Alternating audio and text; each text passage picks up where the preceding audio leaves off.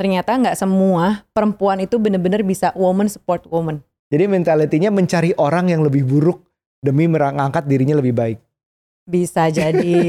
Tapi itu bener nggak? Raisa tuh kok punya freedom ya di dalam pernikahannya kok dia kayaknya bisa sukses. Kok gue nggak punya ya? Nah, kok gue nggak punya? Kok gue terkungkung dalam satu apa ya bubble Uh-uh. ini di rumah gitu. Jadi Iya. jadi kayak kebencian atau kekurangan dari diri kita kita eh, refleksikan ke keberhasilannya orang lain yang dia punya itu.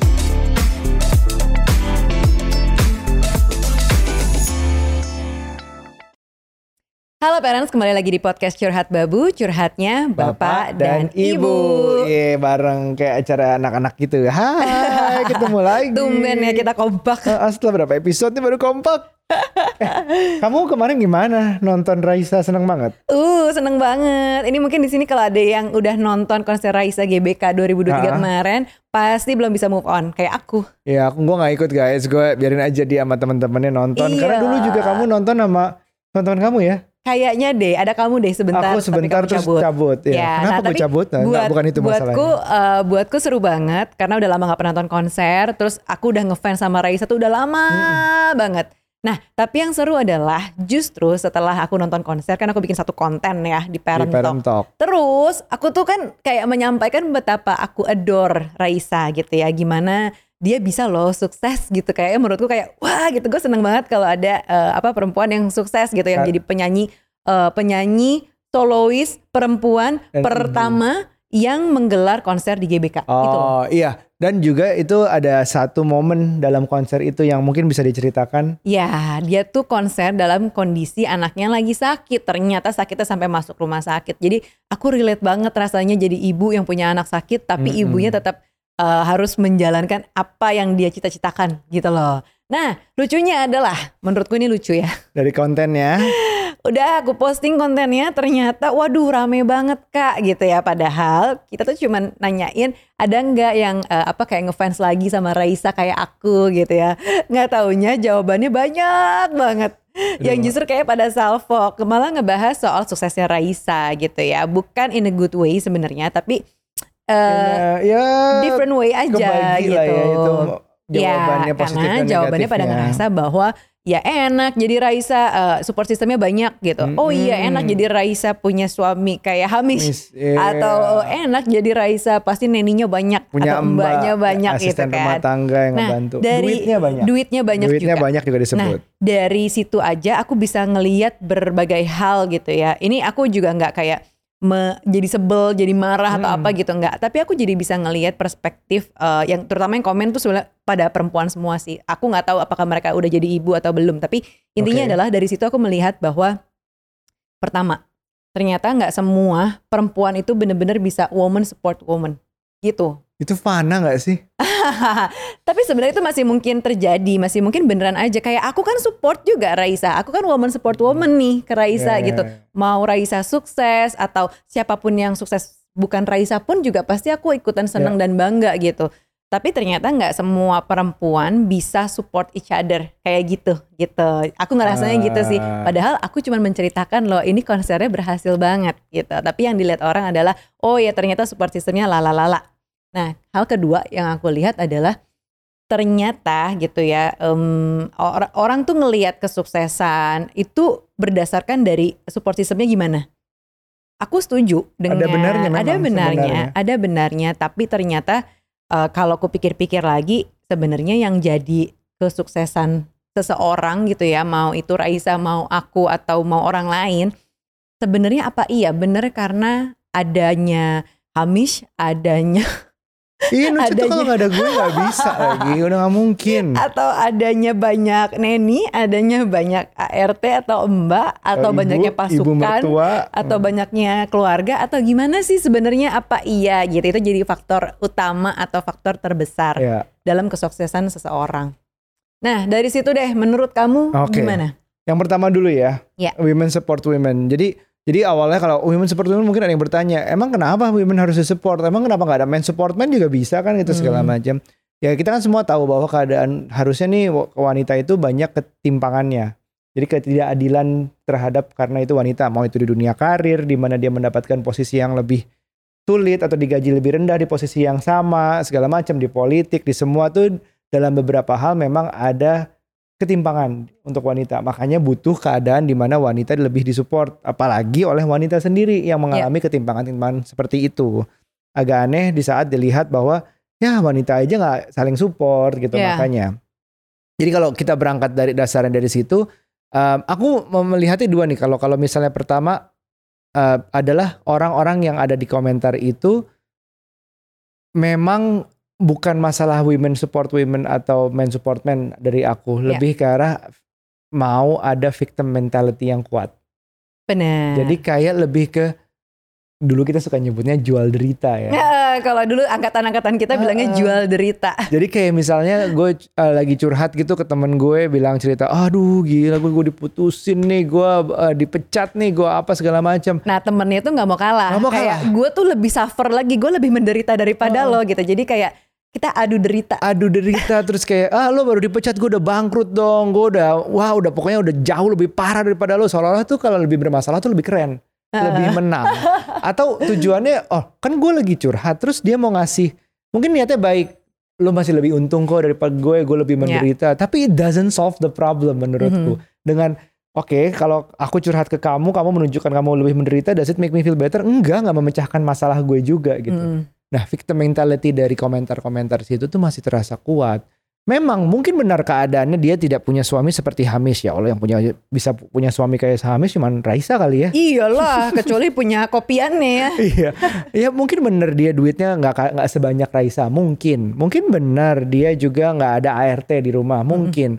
Tapi kalau itu sampai dikeluarkan, diucapkan, apalagi di sosial media yang intinya semua orang bisa melihat, ya itu artinya memamerkan victim mentality-nya dan nggak akan bergerak maju menurut. Hmm. Jadi belum bisa menerima, oh, oke ini kekurangan gue, ini challenge gue sekarang dalam keadaan gue nggak punya suami kayak Hamis, gue nggak punya ART, gue nggak punya uang. Terus what are you gonna do about it? Are you just gonna whine? Hmm. Apakah akan mengeluh saja, tapi sudah bukannya instead of menerima bahwa itu keadaannya dan apa yang langkah berikutnya harus kita benerin, Iya. gitu loh. Nah itu itu kayaknya itu mau Raisa mau siapa kayaknya diserang sih. Iya sih, kebetulan sih kayak gitu kebetulan sih. kebetulan aja itu konteksnya Raisa ya. Kita udah Heeh. ngelihat dia kayak wow gitu dari awal terus ja- jadi ketika dia sukses dengan konsernya tuh udah kayak wow banget gitu. Heeh. Nah, tapi yang kedua bab soal tadi tuh yang aku bilang Ya. juga apa tadi setelah woman support woman, terus eh, kedua aku bahas soal eh, banyaknya jumlah support Ya. system tuh sebenarnya Ya. benar-benar berpengaruh pada kesuksesan seseorang kah atau memang dibalik nih? Apakah orang kalau mau sukses harus punya support system dulu baru dia kemudian akan menata hidupnya untuk sukses, sukses gitu? support system memang ada benarnya memang membantu Hmm. sedikit banyak. Cuman dalam keadaan kita juga kadang-kadang kalau support system yang dimaksud adalah ART, berapa kali kita ganti ART numpang tanya. kita nggak pernah pakai kita nggak pakai neni ya kita nggak pakai neni tapi kalau kita pakai ART kita mikirin aduh ini ada yang begini ada yang kalau di sini pasti tahu yang punya ART mungkin lebih ke arah uh, deket-deket lebaran pasti deg-degan lemari dikosongin apa enggak balik Iya, lagi balik apa lagi enggak? apa contoh hal kecil seperti itu.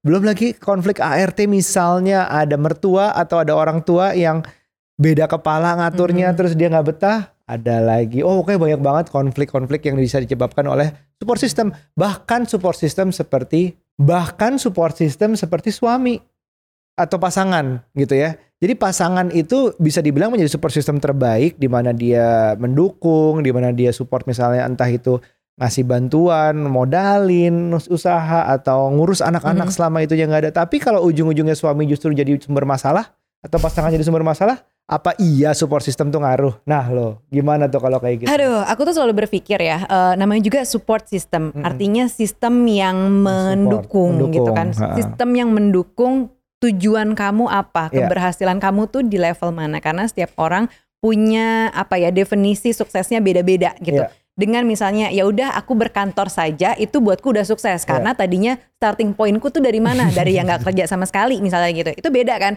buatku tuh udah sukses nah mungkin ini mungkin ya kalau aku jadi Raisa gitu eh, untuk eh, aku katakan sukses adalah aku menggelar konser di GBK dengan ribuan ratusan ribu penonton itu adalah level suksesku sebagai Raisa karena mungkin starting pointku dari penyanyi indie gitu ya terus rekaman sendiri yang terus eh, posting sendiri di YouTube dan lain-lain itu udah sebuah kesuksesan yang Iya. yang yang nggak instan gitu loh buatku. Nah, tapi eh, aku juga juga bisa memahami sih kenapa orang ya itu simply karena nggak suka aja ngelihat orang sukses sehingga apa yang uh, orang lain punya atau kelebihan orang lain itu tuh sebenarnya yang lack di diri kita. Jadi Ben- apa ya interlacking ya menarik. di diri kita gitu. Kayak misalnya nih, aku aku kan lag banget ya suaraku fals misalnya gitu ya. Aku tuh iri banget sama Raisa suaranya bagus. Jadi bisa aja dong sebenarnya dari interlacking aku itu aku merasa bahwa gue nggak suka banget. Ih apaan sih Raisa sok-sokan gelar konser bla bla bla bla karena suara dia bagus gitu. Dan aku nggak punya itu Ah. gitu. Ngerti nggak? Mungkin ini orang yang sama dengan kalau misalnya dia lagi curhat, pas lawan curhatnya itu adalah cerita yang lebih buruk dari dia, dia mungkin happy. Bisa jadi. Paham nggak? Jadi kayak ada beberapa uh, yang gue lihat nih, ini kenapa sih suka banget nonton misalnya film-film yang hancur banget, kayak menderita banget hidupnya. Apaan Kayak- sinetron kayak maksud kamu mau kayak aku? sinetron, mau, mau India, mau Korea, mau Amer- apa pun lah ya film yang intinya menunjukkan bahwa ini orang tuh kacau banget. Ya. Sometimes itu bisa bikin bahwa oh ternyata gua nggak sejelek-jelek itu ya, ternyata gua nggak seburuk-buruk Hmm. itu ya buat yang nonton. Jadi mentalitinya mencari orang yang lebih buruk demi mengangkat dirinya lebih baik. Bisa jadi. Tapi itu bener nggak kayak gitu? Gak tahu, aku sih gak gitu tapi ya.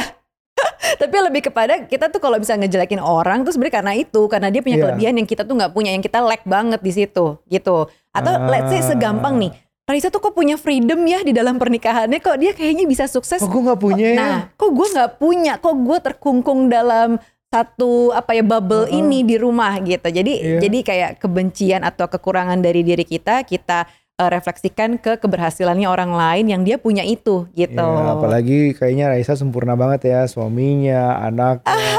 tapi pasti ada lah hal-hal gitu ya. yang yang mungkin nggak gitu sempurna cuman kan ya gitulah nah by the way by the way dari situ sebenarnya aku juga ngeliat lagi nih Hmm. bab selain dari runtutan tadi tuh Mm-mm. apa tuh yang aku lihat masalah woman support woman ternyata rasanya kok iya ada dan tidak ada dan yang kedua tadi eh, soal apa lagi tadi apa Barusan nih. namanya eh, kenapa orang itu apa tadi yang mana nih yang kedua yang kedua Taruh, taruh. Bentar, bentar.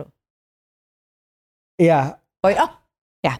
Nah, yang kedua kayak misalnya support system gitu, apakah harus banyak atau tidak gitu. Nah, yang ketiga sebenarnya yang aku lihat adalah gini, ada komen-komen yang bilang, udahlah kesuksesan tuh bukan berarti kayak harus punya panggung yang besar, harus sukses setinggi-tingginya gitu ya. Karena kita memang diciptakan sebagai perempuan untuk ya udah Oh. setelah menikah kita punya anak ya kita di rumah aja gitu. Karena memang udah kayak sebuah kewajiban udah dari sananya memang begitu gitu untuk di rumah aja seolah-olah ibu tuh nggak boleh punya mimpi bener nggak Hmm, oke aku menurutku ya eh, aku merasa itu semua di konsen konsennya balik lagi ke suami sama istri apakah merasakan hal yang sama Hmm. gitu kalau memang itu maunya suami dan memang cocok dengan maunya istri Hmm. ya ya so be it gitu karena memang eh, menurutku semua orang bukan udah pasti pada dasarnya punya mimpi Mm-mm. dan kalau untuk mensurprise bilang nggak boleh punya mimpi itu akan berat buat dia sih ya pasti ada mimpinya mau itu mimpi jadi ibu rumah tangga untuk anak-anaknya yang terbaik di dunia di mana anak-anaknya nanti akhirnya akan sekolah yang tinggi menjadi seseorang segala macam kalau itu memang mimpinya ya itu boleh berjalan terus. Tapi kalau ternyata mimpinya adalah punya usaha atau yang Hmm. mimpinya itu adalah uh, menulis buku misalnya atau apa terus harus mensupres karena dia menikah itu akan berat dan ujungnya menurut aku akan menjadi time bomb sih. Gitu Ngeri ya? sih?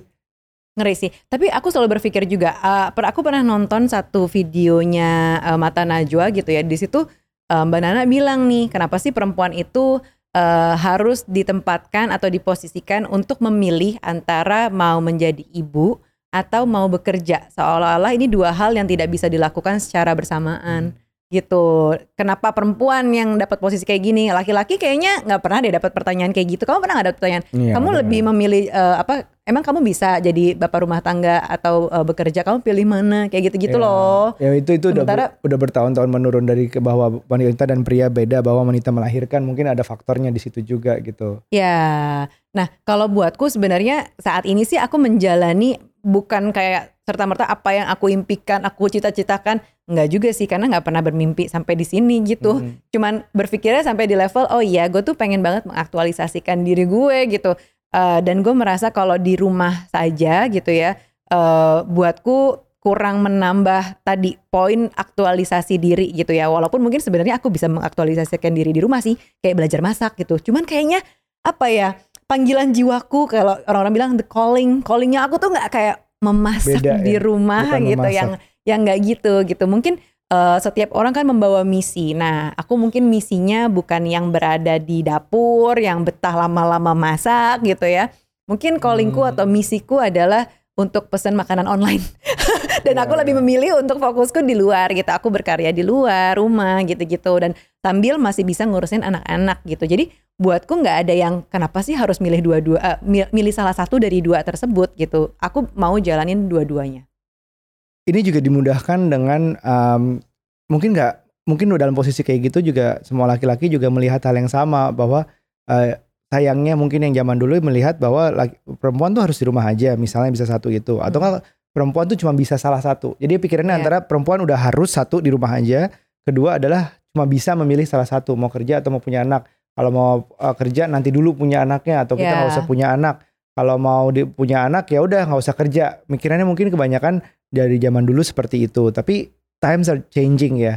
Mungkin ada beberapa yang lebih mudah melihat istrinya bekerja diawali dengan orang tuanya yang juga dulu ibunya dulu juga bekerja Mhm. seperti aku mungkin ibuku bekerja dari kecil mungkin juga kayak "Ah, udah normal aja ibu bekerja ibu ke kantor menghasilkan normal aja jadi begitu menikah dengan Nuca Mhm. ya nggak apa-apa Nuca mau kerja Nuca mau punya anak itu adalah gambaran normal di mata kamu gitu karena kan. dari kecil memang sudah terlihat Iya. dipaparkan seperti itu Iya, tapi sebenarnya banyak juga sih bab. Maksudnya cita-cita orang tuh bukan berarti eh, cita-cita perempuan ya, terutama kita lagi bahas soal perempuan nih.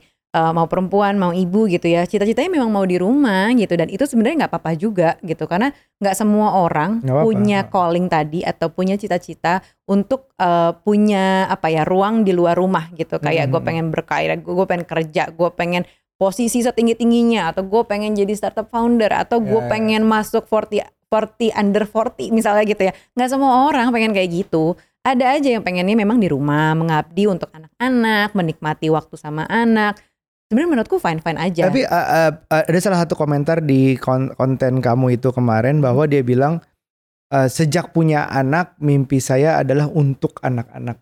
Tuh. Jadi untuk anak-anak itu yang jadi yang terbaik, mendapatkan edukasi yang terbaik dan seterusnya seterusnya. ya ya Menurutmu gimana tentang itu? Apakah dengan punya anak Hmm. mimpi kamu mungkin berubah ya? Mungkin mungkin levelnya berubah beda atau Hmm. ke arah mana? Tapi apakah itu kamu serahkan semuanya ke anak? Hidupmu buat anak apa gimana? nah eh, nih Ini satu kan dari sisi wanitanya juga Iya. nih. Eh, soal ibu punya mimpi ini menurutku sejauh ini apa yang aku jalani dari awal tujuanku menikah atau setelah punya anak sebenarnya sesuatu yang bergeser. Aku nggak pernah bilang apa yang aku cita-citakan berubah. Iya. Karena sebenarnya bukan berubah. Dari dulu aku udah tahu aku mau ke mana arahnya. Tapi aku bergeser aja. Yang tadinya mungkin aku Hmm. pengen banget berkarir di sebuah kantor perusahaan eh, apa MNC gitu ya. Pengen Ya, banget eh nggak taunya nggak kejadian sih eh, sekarang gitu kan nggak bisa kejadian tapi justru aku membangun perusahaan sendiri gitu yang aku pikir oh ya ini bukannya berubah bukan berubah cita-cita yang berubah cuman bergeser aja jadi skala yang Ya. lebih kecil gitu dan aku menjalani sambil juggling eh, ngurus anak-anak jadi buatku tadi kembali kalau misalnya kayak harus memilih atau harus memposisikan justru aku kerjaan sekarang aku memilih karena aku masih bisa punya waktu sama anak-anak jadi pagi hari aku masih bisa nganterin, siang hari aku sempetin jemput anak, weekend aku sempet-sempetin kalaupun ada event sebentar abis itu aku sama anak-anak. Jadi aku mencoba di sini tuh kayak aku ngerasa bahwa kemampuanku di stretch sangat jauh. Yang tadinya mungkin aku di sini aja gitu ya. Sekarang aku bisa juggling, aku bisa lebih kuat Ah. buat menghadapi anak-anak yang lagi tantrum ini anak-anak tapi aku sambil uh, harus ada kerjaan, aku punya target Iya, dan iya. lain-lain. Jadi kayak kemampuanku setelah menjadi ibu lebih stretch jauh, jauh banget. Ah, jadi tidak harus dikurungkan untuk anak-anak saja hidupmu. Iya, justru karena anak-anak justru aku kayak gini kayaknya gitu. Mm-mm. Jadi mereka kan sumber inspirasi konten-konten parent talk loh, ya kan? Iya, dari benar, dari konten-konten YouTube kita gitu. Karena kita belajar dari mereka. Justru Iya, mereka kayak apa ya? Media media tempatku belajar mungkin kayak S2 atau S3-nya aku kali ya. Terus Iya. yang kemudian aku coba share ke teman-teman lewat konten-konten ini karena aku belajar Hmm. banyak. Value-value yang aku dapat tuh banyak banget. Jadi eh, bagus banget sih sebenarnya kamu eh, merasa seperti itu bahwa itu bisa grow bareng Mhm. un- antara punya anak ng- ngurus anak sama ngurus perusahaan. Ya. It kind of align sebenarnya karena kan it's it's fas- eh, fase kehidupan di mana lo Ya. terus harus terus bertumbuh. Yang aku takutkan adalah kalau semua mimpi dipindah ke anak dibergantungkan ke anak, artinya semua effort dalam hidup adalah untuk anak, kita kayak akan menggantungkan diri kita di anak. So when it comes to dia akhirnya udah harus ya jadi ekspektasi kita pindah semua ke anak di saat anak itu tidak memenuhi ekspektasi. Nah, itu bagaimana? Salah anaknya kah? Ya. Atau salah kita menaruh ekspektasi sebagai orang tua yang memindahkannya kah? Atau apa? Nah, mungkin itu ini kita belum mengalami ya. Kita Ya, cuma kayak ya, mau ya. merenungkan bahwa gimana kalau kita memikirkan hidup bagaimana kalau kita memikirkan 100 hidup 100% hidup untuk anak tanpa Hmm. ada memikirkan diri sendiri. Karena mimpi buat diri sendiri itu menurutku penting. Penting sih, penting penting. Dan satu lagi nih, sebenarnya aku tuh baru nonton juga YouTube-nya Mata Najwa Bab eh, yang di dalamnya ada narsumnya eh, Bang Rocky Gerung Iya. gitu ya, seorang apa namanya pengajar kajian eh, Dan feminis filsafat juga ya. dan feminis gitu ya. Nah, eh, beliau tuh menyebutkan bahwa scientific ta- scientifically proven Iya. gitu ya bahwa kepintaran anak-anak Oh. itu tuh diturunkan dari ibu gitu. Jadi ibu yang cerdas menghasilkan anak-anak Nah. yang cerdas juga. Jadi kalau kamu pinter itu karena ibu kamu Iya. juga Iya, paling iya, besar iya, gitu ya. iya, Bukan iya. berarti kayak bapak kamu nggak ada nggak ada Iya, ininya iya, ya iya, pengaruhnya. iya. Tapi kan ada faktor dari dalam, tapi ada faktor eksternal juga gitu kan. Nah, Iya. tapi kita berbicara soal faktor internal yang ada di dalam tubuh kita. Betul. Pinternya kita nih mau laki-laki mau perempuan itu tuh munculnya dari orang tuanya, dari ibunya Mm-mm. terutama gitu. Dan makanya penting untuk ibunya terus berkembang, terus Betul. belajar. Kalau udah pinter, tambah pinter lagi. Kalau belum pinter, jadi pinter terus gitu ya, nggak berhenti. Mm-mm, gitu. Jadi itu tuh udah berdasarkan data gitu. Jadi menurutku ini menarik banget sih. Eh, mungkin sekarang pembicaraannya bukan lagi kayak tentang ibu bekerja atau ibu tidak bekerja, tapi di mana mau ibu tidak bekerja mau mengaktualisasikan diri karena bentuk Ya. aktualisasi itu macam-macam. Kayak kita mau nulis bikin artikel dari rumah, kita mau mencoba masakan baru, itu kan sesuatu Iya. menantang diri kita gitu, hal-hal kecil. Jadi Betul. eh, nggak usah dikotak-kotakan antara ibu bekerja, ibu ibu di rumah, terus berarti kalau ibu yang di rumah artinya nggak punya cita-cita, nggak punya juga. impian, ya nggak juga gitu kan.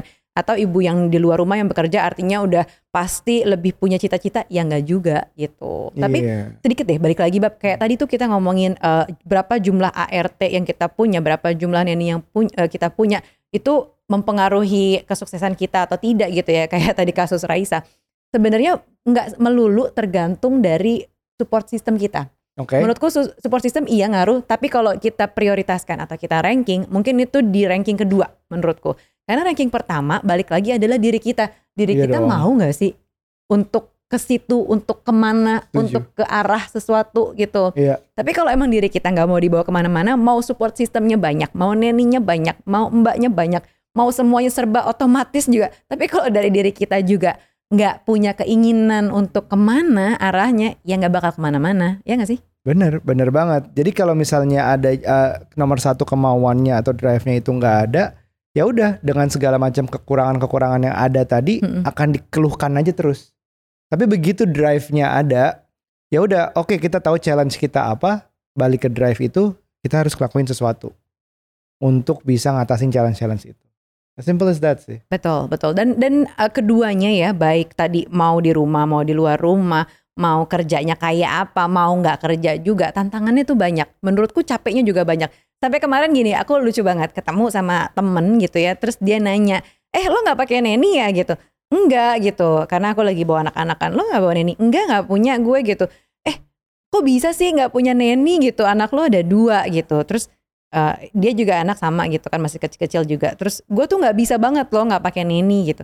Oh iya nggak apa-apa. Maksudnya ada neni dan nggak ada neni. Menurutku challenge-nya sama aja. Gue juga punya challenge nih nggak punya neni karena gue bisa stres dan Iya. burnout lebih cepat mungkin. Atau kalau misalnya yang punya neni itu juga punya tantangan dan apa challenge-nya sendiri gitu karena mungkin eh, dia juga pasti ngerasa kan eh, oh anak gue kok nggak deket sama gue gitu atau apa pasti punya challenge-nya sendiri deh gitu. Jadi Iya. menurutku masing-masing pilihan itu pasti datang bersamaan udah sepaket sama challenge-nya juga. Tapi yang, yang penting adalah mencoba semua pilihan itu juga gitu. Iya. Apa kalau nggak punya neni nggak cocok nggak usah punya neni. Kalau cocoknya sama mbak aja mbak aja. Dan kita menempuh jalan itu. Kita kayaknya sama mbak aja. Di mana kita masih bisa sama anak-anak masih mu- uh, perhatian penuh segala macam gitu. Kita lebih prefer seperti itu. Bukan berarti lebih baik buat kalian tentunya gitu. Iya, nah ini juga menarik bahwa ada satu data dari BPS gitu. Kemarin aku sempat ngulik-ngulik gitu ya Hmm. data tahun 2001, data tahun 2022 bahwa sebenarnya nih kalau misalnya level-level perempuan yang berada di level manajerial di perusahaan eh, apa namanya pekerjaan profesional itu trennya menurun saat ini. Jadi kalau misalnya kita lihat 2015 gitu ya sampai 2022 tuh tenaga kerja profesional perempuan gitu ya di levelnya manajerial ya. Kita berbicara soal manajerialnya ini. Itu tuh menurun trennya. Hmm, Gitu. Kenapa ya menurutmu ya? Kira-kira Iya, aja. aku kita kalau asumsi, kira-kira. tapi ini aku asumsi bukan berdasarkan data ya Iya, kali iya, ini ya. iya. Kalau aku asumsi, karena level manajerial itu pressure-nya sangat tinggi pasti, udah pasti. Tanggung jawabnya juga sangat tinggi, udah pasti.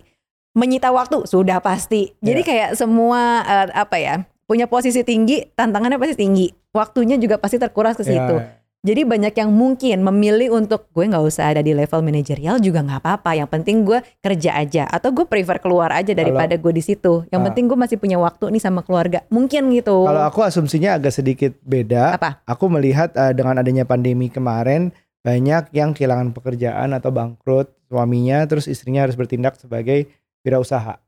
Hmm, Wirausaha entah itu bikin kue, jual masker, jual baju Ya, ya. segala macam yang akhirnya sudah nyaman bekerja di posisinya yang jualan dari rumah itu segala Mm-mm. macam, bikin sesuatu, kue macam-macam. Nah itu posisinya bukan manajer manajerial juga, cuman nggak dihitung sebagai manajerial di perusahaan yang besar gitu. Ya. Nah itu mungkin angka-angka di situ kalau ada akan menarik dibandingkan. Benar-benar itu ada kok datanya. Eh, tapi aku lupa sumbernya. Eh, jadi waktu kemarin aku ikutan G20 ya, Mhm. Itu dibahas bahwa memang sepanjang pandemi tahun 2020 sampai 2021 2022 kemarin eh, angka pekerja UMKM perempuan bukan pekerja lah ya pemilik UMK UMKM rumahan gitu Iya. ya. UMKM rumahan kan emang Iya ya? betul betul. Nah, nah, itu tuh meningkat banget dan itu perempuan Nah gitu. Gitu, dan jadi- itu tuh dari industri F&B alias masak-masak dari, dari rumah, yang kayak gitu-gitu terus sifatnya. diantar lewat online, ojek online. Iya, iya betul. Nah, itu jadinya membuktikan bahwa perempuan tuh sebenarnya bisa. Bahkan di level misalnya yang tadinya suaminya bekerja, suaminya punya usaha, terus su- apa istrinya nih menjadi ibu rumah tangga gitu ya. Dengan kejadian pandemi kemarin membuktikan bahwa perempuan Iya. tuh juga ternyata kuat menjadi backbone keluarga, dia punya Iya. uh, skill-skill yang kita nggak pernah sadar Nah. kayak gitu yang ternyata misalnya bikin masak apa akhirnya Iya. bisa dijual bikin apa terus dijual akhirnya ngebantu ekonomi keluarga Masih di talks yang sama sama Mata Najwa tadi bahwa wanita kalau dikasih uang dan power lebih banyak, lebih dipercaya, itu bisa lebih berhasil daripada laki-laki. Di- Dibicarakan kan tadi? Betul. Nah setuju apa enggak ya silahkan ditulis di komen. Ya aku juga dengar nih ada satu quotes gitu ya if you want to grow your economy invest in women gitu Oke, jadi invest di aku dong sudah kurang. Oke kalau gitu sampai ketemu lagi di episode selanjutnya. Mudah-mudahan obrolan ini bisa jadi renungan dan obrolan juga sama pasangan kalian, ya Iya. kan? Mm-mm. Jangan lupa untuk like, subscribe, share dan apa lagi? Siapa tahu bisa jadi bapak rumah tangga dengan ibunya aja yang bekerja ya. Kita main PS di rumah. Sampai ketemu di episode berikutnya. Bye.